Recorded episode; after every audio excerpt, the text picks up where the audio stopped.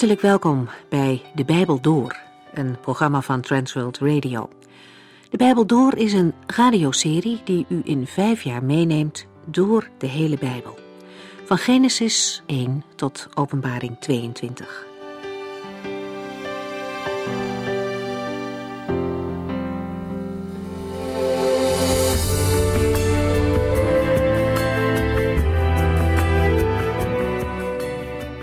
De vorige uitzending van De Bijbel Door hebben we nummerie 20 besproken. In dat hoofdstuk wordt het einde van Israëls rondwalen in de woestijn beschreven. Na 40 jaar staat het volk op het punt om nu eindelijk naar het beloofde land te gaan. Mirjam sterft als ze bij Kades aan de zuidgrens van Canaan staan. En dan, dan is er opnieuw gebrek aan water.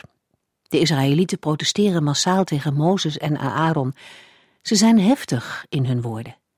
Waren wij ook maar gestorven, zeggen ze. Elke keer als het moeilijk is, dan wijzen ze terug naar hun zogenaamde goede tijd in Egypte. Ze vergeten blijkbaar maar al te makkelijk dat hun leven in Egypte ronduit vreselijk en zwaar was.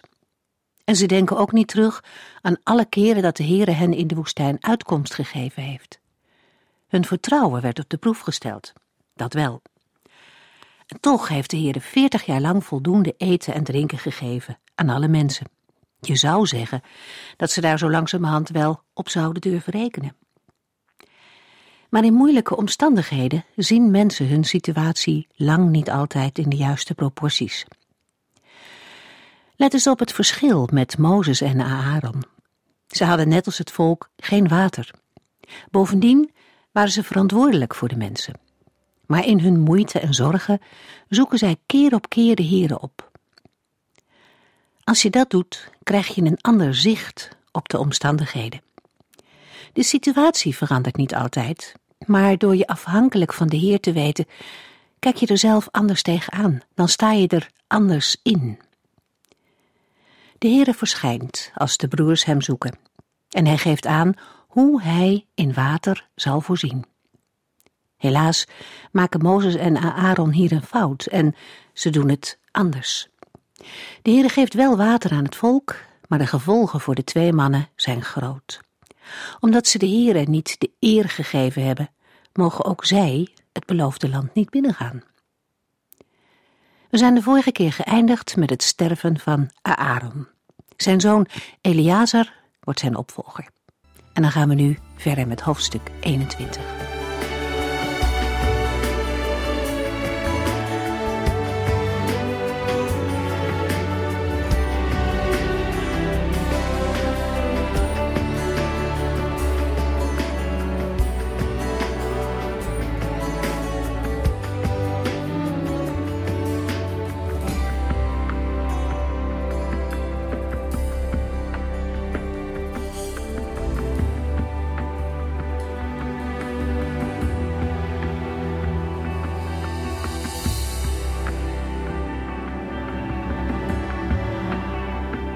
De eerdere momenten van Israëls ontrouw, de rebellie op de grens van Canaan, nummer 13 en 14, en de opstand van Korach, Datan en Abiram, nummer 16 en 17, werden gevolgd door blijken van onveranderde trouw van de Heere, nummer 15, 18 en 19. In nummer 21 is dat niet anders. Het leiderschap heeft wel gefaald, nummer 20, maar de Heere gaat verder met zijn volk. In nummer 21 lezen we over verschillende overwinningen die de Israëlieten behalen ten oosten van de Jordaan. Het geeft vertrouwen dat Israël ook in staat zal zijn het land Canaan in te nemen. Zelfs de opstand in de versen 4 tot en met 9 brengt daar geen verandering in. Aan het einde van nummer 21 staan de Israëlieten opnieuw aan de grens van Canaan. Het zal niet lang meer duren voordat de beloften aan Abraham, Isaac en Jacob in vervulling gaan. Nummer 21, vers 1 tot en met 4. Toen de koning van Arad hoorde dat de Israëlieten oprukten, ze namen dezelfde weg als de spionnen, mobiliseerde hij zijn leger en viel aan. Daarbij werden enige Israëlieten gevangen genomen. Toen beloofden de Israëlieten de Heere dat zij al de steden in dat gebied met de grond gelijk zouden maken als hij hen zou helpen de koning van Arad en zijn onderdanen te overwinnen. De Heere verhoorde hun gebed en gaf de Kanaanieten aan hen over. De Israëlieten vernietigden hen en hun steden. Vanaf die tijd heette die streek Gorma, verwoesting. De Israëlieten braken op van de berg Hor en trokken vandaar verder zuidelijk langs de weg naar de Rode Zee om zo om het land Edom heen te trekken. Dit is de eerste overwinning tijdens de tocht door de woestijn sinds de overwinning op Amalek, kort na de uittocht uit Egypte. Het is duidelijk dat de Heere hen deze overwinning gaf. Maar nu moeten ze van de berg Hoor langs de weg naar de Rode Zee, de golf van Akaba, omdat ze niet door het land Edom kunnen trekken. Ze willen om het land Edom heen trekken. Het is geen gemakkelijke weg en dat ontmoedigt het volk. Ze beginnen te klagen, te jammeren en te mopperen. Nummer 21, vers 5. Op die tocht werd het volk ongeduldig en beklaagde zich tegen God en tegen Mozes. Waarom hebt u ons uit Egypte geleid en laat u ons hier in de wildernis sterven? klaagden zij. Er is hier niets om te eten en te drinken en we walgen van dat flauwe manna. Voor de zoveelste keer klagen de Israëlieten steen en been. Ze klagen nu niet alleen tegen Mozes, maar ook tegen de Heere. Heeft de Heere en Mozes hen uit Egypte geleid om te sterven in de woestijn? Er is hier geen water en geen voedsel, en het eten dat we hebben stelt niets voor. We walgen van dat flauwe manna. Nummer 21, vers 6 en 7. Daarom stuurde de Heere giftige slangen naar het kamp, en velen werden gebeten en kwamen om. Het volk kwam bij Mozes en riep: Wij hebben gezondigd, want wij hebben ons tegen de Heere en tegen u gekeerd. Bid toch tot de Heere en vraag of hij de slangen wil weghalen. Mozes bad voor het volk. De Heere geeft niet eens antwoord, maar stuurt giftige slangen, zodat veel Israëlieten sterven. Het volk ziet in dat dit een straf van de Heer is en komt naar Mozes om hun zonde te beleiden. Wij hebben ons tegen de Heer en tegen u gekeerd. Ze vragen aan Mozes of hij voorbeden voor hen wil doen, en de Heere wil vragen die slangen van hen weg te nemen. Mozes bidt voor het volk. Nummer 21, vers 8 en 9. Toen zei de Heere tegen hem: Maak een koperen afbeelding van zo'n giftige slang en maak deze vast op een paal. Iemand die is gebeten, hoeft er alleen maar naar te kijken om te worden genezen. Mozes maakte een koperen slang en bevestigde die op een paal. Als iemand die door een slang was gebeten naar de koperen slang keek, bleef hij leven. De Heere geeft Mozes opdracht om een kopie van zo'n slang te maken en die op een paal vast te maken. Iedereen die gebeten is en er naar kijkt, zal blijven leven. De Heere neemt de slangen niet weg, zoals het volk had gevraagd, maar maakt wel het gif van de dieren onschadelijk. Mozes voert de opdracht van de Heere nauwkeurig uit en maakt een koperen slang die hij op een paal plaatst. Later zal de Heer Jezus op deze situatie in de woestijn teruggrijpen. Wanneer hij zegt, zoals Mozes in de woestijn een koperen slang omhoog hield, zo moet ook ik, de mensenzoon, omhoog geheven worden, opdat ieder die in mij gelooft eeuwig leven zal hebben. Johannes 3, vers 14 en 15. De koperen slang op een paal is een teken van redding in de woestijn. Op vergelijkbare wijze is Christus aan het kruis een teken van redding. We lezen hier dat de slang van koper werd gemaakt en wie er naar keken mocht leven. Degenen die er niet naar keken, stierven. Eigenlijk is het vandaag nog net zo. Of u kijkt naar Christus als uw redder en zaligmaker, omdat u hebt ontdekt dat u een zondaar bent, of u doet dat niet. Als u het niet doet, zijn de consequenties ook voor uw rekening.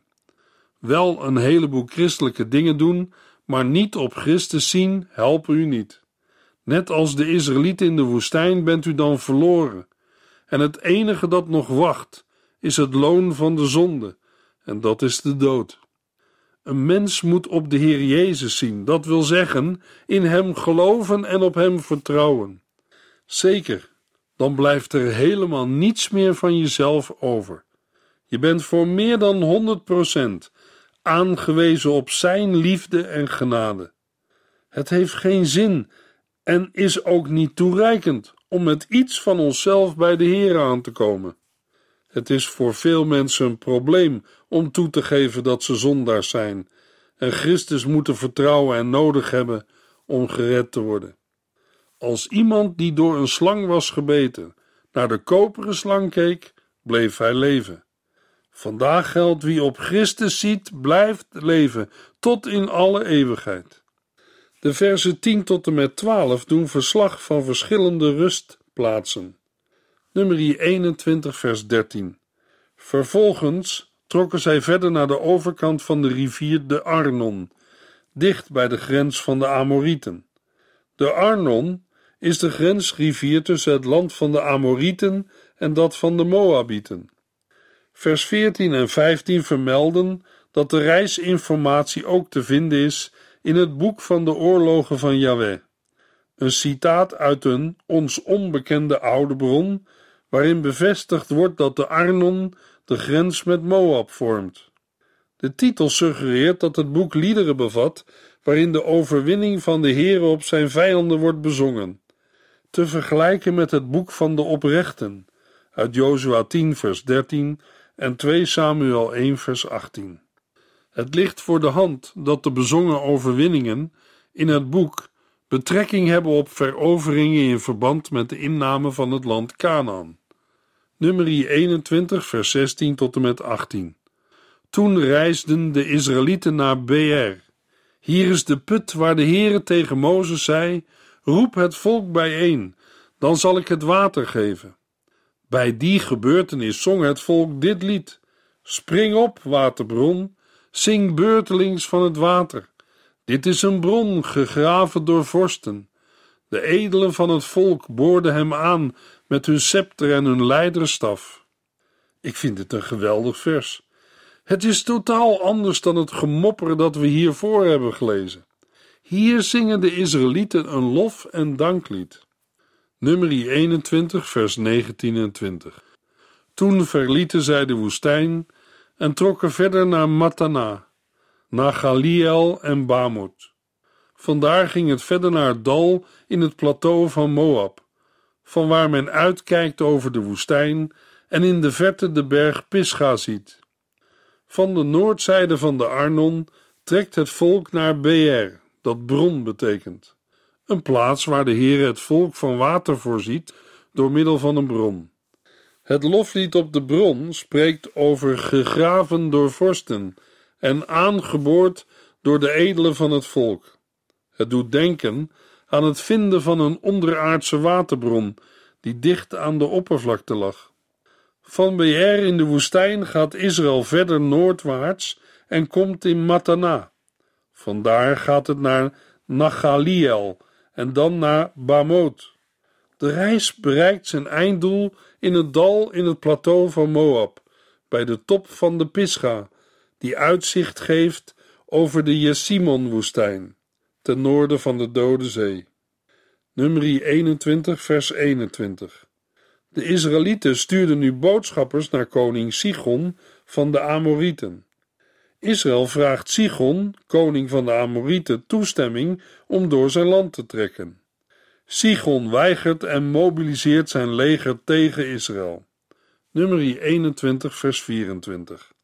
Maar Israël versloeg hen vernietigend en veroverde hun land van de rivier Arnon tot de rivier Jabok, tot aan de grens van de Ammonieten. Daar werd de opmars gestuit, want de grens van de Ammonieten werd sterk verdedigd. Nadat Israël alle steden in het gebied tussen de Arnon en de Jabok, waaronder de residentiestad Gesbon, had veroverd, gaat het er wonen. Om aan te geven hoe sterk Sigon was, en daarmee ook hoe geweldig groot deze overwinning van Israël is, wordt gezegd dat Sigon het hele gebied had veroverd op de vorige koning van de Moabieten. In vers 27 tot en met 30 vinden we een Amoritisch overwinningslied ingevoegd. Dat herinnert aan de grootste overwinning van Sigon op Moab. Vanwege die overwinning hadden oude spreukendichters, lees een soort troubadours, een lied gemaakt dat vaak werd geciteerd. Nu had Israël hen verslagen.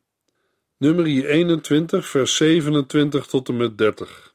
Het lied over Gesbon. Kom naar Gesbon, want de hoofdstad van Sigon is groter en sterker dan ooit. Er kwam een vlam uit Sigons stad, die Ar in Moab en de heersers over de hoogten van de Arnon verteerde. Wee u, Moab, uw volk van Kemos is verloren. Kemos is de god van de Moabieten. Want Kemos liet zijn zonen vluchten en zijn dochters gevangen nemen door Sigon, de koning van de Amorieten. Wij hebben hem beschoten en Gesbon ging verloren, samen met Dibon. Wij verwoesten het tot Novach, en een vuur woedde tot de stad Medeba. De Heere gaf Israël deze grote overwinning. Het lied laat ook zien hoe groot het gebied is dat de Israëlieten nu hebben ingenomen. In de versen 31 en 32 wordt verslag gedaan van de overwinning op de Amorieten in de streek van Jazer. Nummer 21, vers 33 tot en met 35.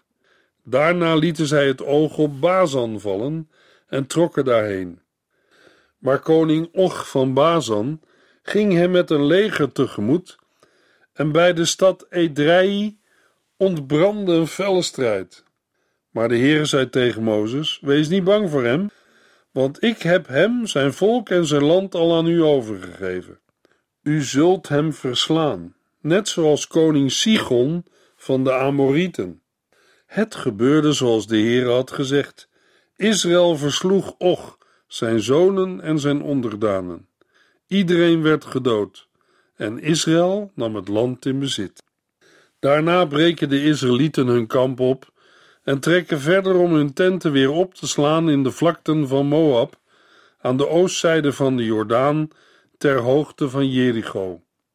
Zij maken zich gereed om het beloofde land binnen te trekken. We zijn dan aangekomen bij nummer 22.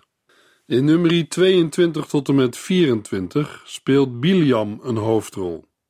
In nummer 21 lazen we hoe Israël de Canaanieten een vernietigende slag heeft toegebracht bij Gorma en hoe Sigon, de koning van de Amorieten, en Och, de koning van Bazan, zijn verslagen.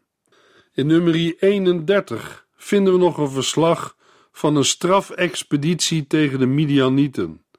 Vijf koningen van Midian vinden daarbij de dood, als ook Biliam, de zoon van Beor, de man die de hoofdrol speelt in nummer 22 tot en met 24.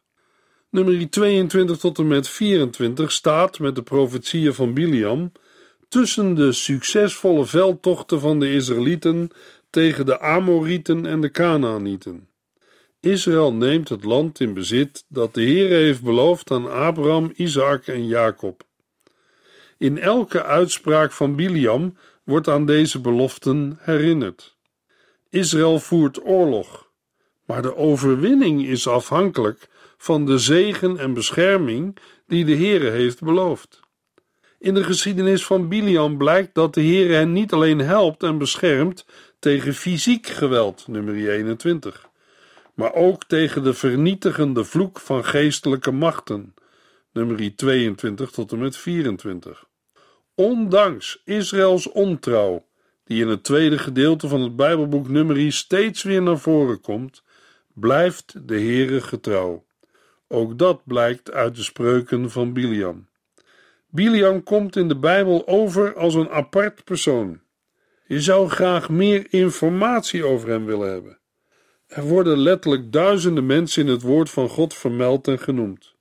De Heilige Geest geeft, in het algemeen, met een paar woorden een duidelijke omleiding van hun karakter. Daarbij zijn ook uitzonderingen, mensen die in het donker lopen.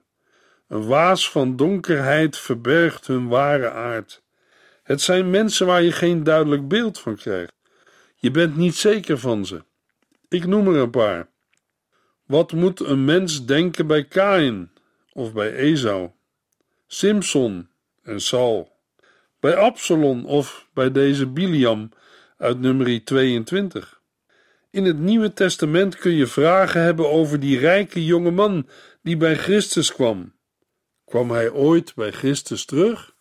Dan is er Judas, wie kan hem begrijpen? Niemand ontdekte dat hij onecht was behalve de Heer Jezus zelf. En wat te denken van Demas? Hij was of leek zo trouw en toch laat hij de apostel Paulus in de steek. En wat bewoog Ananias en Safira nu precies? Biliam is een van die raadselachtige en mysterieuze mensen waar je bijna geen vinger achter krijgt. Een Bijbeluitlegger zegt dat hij een van de vreemdste personen uit de Bijbel is. Andere uitleggers beschouwen hem als een echte profeet van de Heere God. En weer anderen zeggen dat hij een religieuze profiteur was. Zocht Biliam oprecht de God van Israël te dienen? Of doet hij zich voor als een engel van het licht?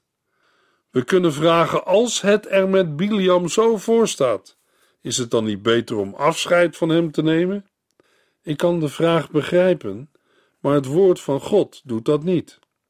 In Micha 6, vers 5 lezen we: Mijn volk, bent u dan vergeten hoe koning Balak van Moab probeerde u te vernietigen door u door Biliam, de zoon van Beor, te laten vervloeken? Weet u niet meer dat ik hem toen in plaats van een vloek een zegen liet uitspreken? Keer op keer heb ik voor u het beste gezocht.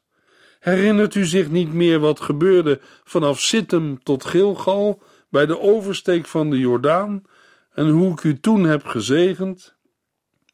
Micha moet namens de Heere het volk herinneren aan de gebeurtenissen uit nummer 21 dan moeten ook wij Biliam niet zomaar opzij schuiven.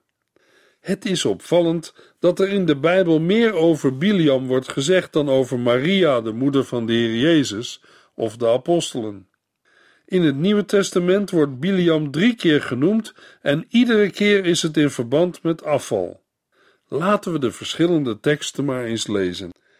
In 2 Petrus 2 vers 15 wordt gezegd: Ze zijn van de rechte weg afgedwaald en volgen het dwaalspoor van Biliam, de zoon van Beor, die het niet erg vond iets verkeerds te doen, zolang hij er maar voor betaald werd. Maar hij werd terecht gewezen door zijn ezel, die met de stem van een mens tegen hem sprak. Dat stomme dier weerhield hem ervan domme dingen te doen. In Openbaringen 2, vers 14 lezen we: Maar er zijn enkele dingen die ik tegen u heb u laat de volgelingen van Biliam onder u hun gang gaan. Biliam vertelde koning Balak immers hoe hij de Israëlieten ten val kon brengen, door hen vlees te laten eten dat aan de afgoden geofferd was, en door hen ontucht te laten plegen. In de Griekse grondtekst wordt gesproken over de leer van Biliam. Ten slotte in de brief van Judas, de broer van Jacobus, vers 10 en 11, maar deze mannen spotten met alles wat ze niet kennen. Ze doen precies waar ze zin in hebben, net als dieren die hun instinct volgen, en gaan daaraan te gronden. Het ziet er heel slecht voor hen uit. Zij volgen het voorbeeld van Kain, die zijn broer vermoordde. Ze zijn net als Biliam, die zich voor geld overgaf aan bedrog. Ze gaan Korach achterna, die tegen God in opstand kwam en dat met de dood moest bekopen. Biliam was een Midianiet. Hij profeteerde en sprak vervloekingen uit. Zijn reputatie was breed. Biliam, de zoon van Beor, stond bekend als een machtig vervloeker. Dat blijkt ook uit een inscriptie die in 1967 is ontdekt bij Tel Deir Allah, een plaats ongeveer 8 kilometer ten oosten van de Jordaan even boven de Jabok. Deir Allah worden velen gelijkgesteld met Pniel en Sukkot. De tekst dateert van de 9e en 8e eeuw voor Christus. Het is zo goed als zeker dat het in de tekst om dezelfde Biliam gaat. Mozes leefde eeuwen daarvoor, 1400 voor Christus. De reputatie van Biliam werd ook eeuwen later nog vermeld en geëerd. Nummer 22, vers 1 tot en met 3. Hierna braken de Israëlieten op en reisden naar de vlakte van Moab. Ten oosten van de Jordaan, tegenover Jericho, sloegen zij hun kamp op. Toen koning Balak van Moab, de zoon van Sippor, besefte hoeveel mensen daar verbleven en ook nog hoorde wat zij met de Amorieten hadden gedaan, werden hij en zijn onderdanen erg bang. Balak, de zoon van Sippor, is koning van Moab. Hij heeft alles gevolgd wat Israël met de naburige Amorieten heeft gedaan en is bang voor het volk Israël, omdat het zo groot is. De Moabieten nemen contact op met de oudsten van Midian en melden: Als wij niet oppassen, zullen die Israëlieten ons land afgrazen als een kudde ossen die een weiland kaal vreet. Nummer 22, vers 4. Nummer 22, vers 5 en 6. Daarom stuurde koning Balak boodschappers naar Biliam, de zoon van Beor, die in zijn vaderland Petor, dicht bij de Eufraat woonde. Hij smeekte Biliam hem te komen helpen met de woorden: Er is hier een volk uit Egypte aangekomen dat het hele land in beslag neemt. Ze hebben hun kamp recht tegenover mij opgeslagen. Kom alstublieft hierheen en vervloek hen voor mij, zodat ik hen uit mijn land kan verdrijven, want ze zijn mij te sterk. U staat erom bekend dat uw zegen ook werkelijk een zegen is, en dat ieder die door u wordt vervloekt ook werkelijk is vervloekt. Koning Balak stuurt een groep gezanten, die bestaan uit oudsten van Moab en Midian, naar Petor, dat aan de Eufraat ligt, 600 kilometer naar het noorden, in Aram, om Biliam, de zoon van Beor, te halen. Hij moet Israël vervloeken, zodat Balak hen uit zijn land kan verdrijven. Hoe het verder gaat, horen we in de volgende uitzending.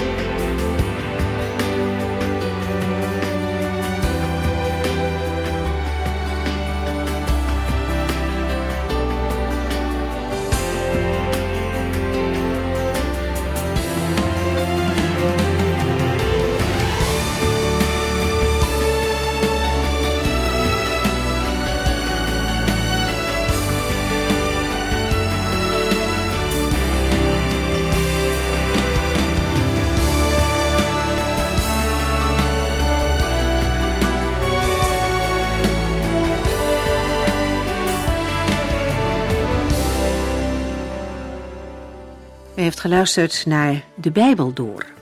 In het Nederlands vertaald en bewerkt door Transworld Radio. Een programma waarin we in vijf jaar tijd de hele Bijbel doorgaan. Als u wilt reageren op deze uitzending of u heeft vragen, dan kunt u contact met ons opnemen. Tijdens kantooruren kunt u bellen op 0342 47 8432. 0342 47 8432. 32. Ook kunt u een e-mail sturen naar de Bijbel door transworldradio.nl en natuurlijk kunt u ook via de post ons bereiken. TWR, postbus 371, postcode 3770, AJ in Barneveld. Dit programma werd gepresenteerd door Cor Weda en Ike André. Techniek was in handen van Odin van Woerdekom. En wij allemaal bedanken u voor het luisteren. Graag tot de volgende keer.